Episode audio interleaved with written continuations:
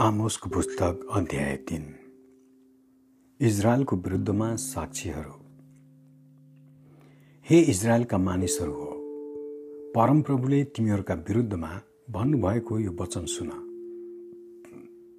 अर्थात् मिश्र देशबाट मैले ल्याएका सारा परिवारका विरुद्धमा पृथ्वीका सबै मानिसहरूमध्ये मैले केवल तिमीहरूलाई मात्र सुनेको छु।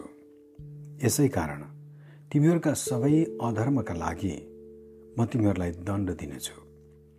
के दुईजना आपसमा सहमत नभएसम्म सँगसँगै हिँड्छन् र के शिकार नभए झाडीमा सिंह गर्जन छ र केही फेला नपारिकन त्यो आफ्नो ओढारमा दगुर्छ र के भुइँमा पासो नथापिकनै चरो त्यसमा पर्छ र के समात्नलाई केही नभएसम्म धराप भुइँबाट माथि उठिन्छ र कुनै सहरमा केही तुरै फुगेपछि मानिसहरू डराउँदैनन् र परमप्रभुले नपठाउनु भएसम्म के कुनै सहरमा विपत्ति आउँछ र?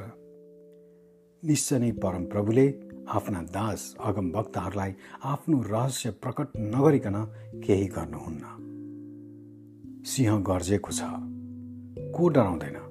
परमेश्वर बोल्नु भएको छ कसले अगमबाडी नबोली छोड्दैन र? अस्तोतका किल्लाहरू र मिश्र देशका किल्लाहरूलाई घोषणा गर। सामरिएका पहाडहरूमा तिमीहरू भेला हो। त्यहाँभित्र भएको ठुलो खैला बैलालाई र त्यसका मानिसहरूका बिचमा भएको अत्याचारलाई हेर। परमप्रभु भन्नुहुन्छ तिनीहरू ठिक काम गर्न जान्दैनन्। तिनीहरू लुट र दगैतका माल आफ्ना किल्लाहरूभित्र सञ्चय गर्दछन्। यसकारण परमप्रभु परमेश्वर यसो भन्नुहुन्छ। एकजना शत्रुले देशलाई चढाइ गर्नेछ। त्यसले तेरा गढीहरूलाई नाश गर्नेछ र तेरा किल्लाहरू लुट्नेछ। परमप्रभु यसो भन्नुहुन्छ जसरी गोठालाले सिंहको मुखबाट खुट्टाका दुई हड्डी अथवा कानको एक टुक्रा मात्र छुटाउँछ त्यसरी नै सामरिएका पलङको किनारमा र आफ्ना गद्दीका कुनामा बस्ने इजरायलीहरू छुट्याइनेछन्। यो सुन र याकुबका घरानाको विरुद्धमा यो गवाई देऊ।